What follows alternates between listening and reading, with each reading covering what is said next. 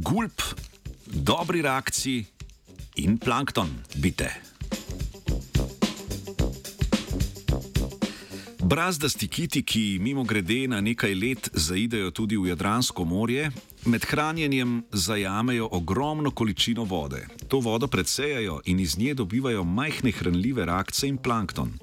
Raziskovalna skupina je raziskala, kako kiti preprečijo, da ta ogromna količina vode ne bi zalila prebavnega in dihalnega sistema.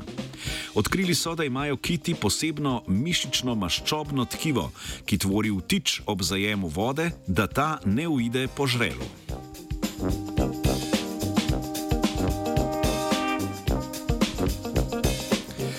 Ko se hranimo ljudje, je pomembno, da so dihalne in prebavne poti ločene. Pri nas dihalne poti ob požiranju hrane zavaruje epiglotis, sluznico prekrit elastični hrustanec, ki prekriva vhod v grlo.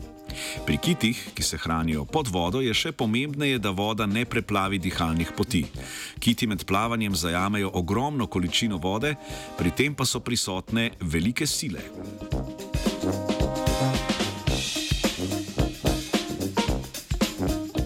Da bi raziskovalna skupina preučila, kako preprečijo uhajanje vode v prebavni in dihalni sistem, je zbrala 19 preminulih kitov. Pri petih je opravila podrobno anatomsko analizo. Odkrili so posebno maščobno mišično tkivo, ki ob zajemu vode zapre žrelo.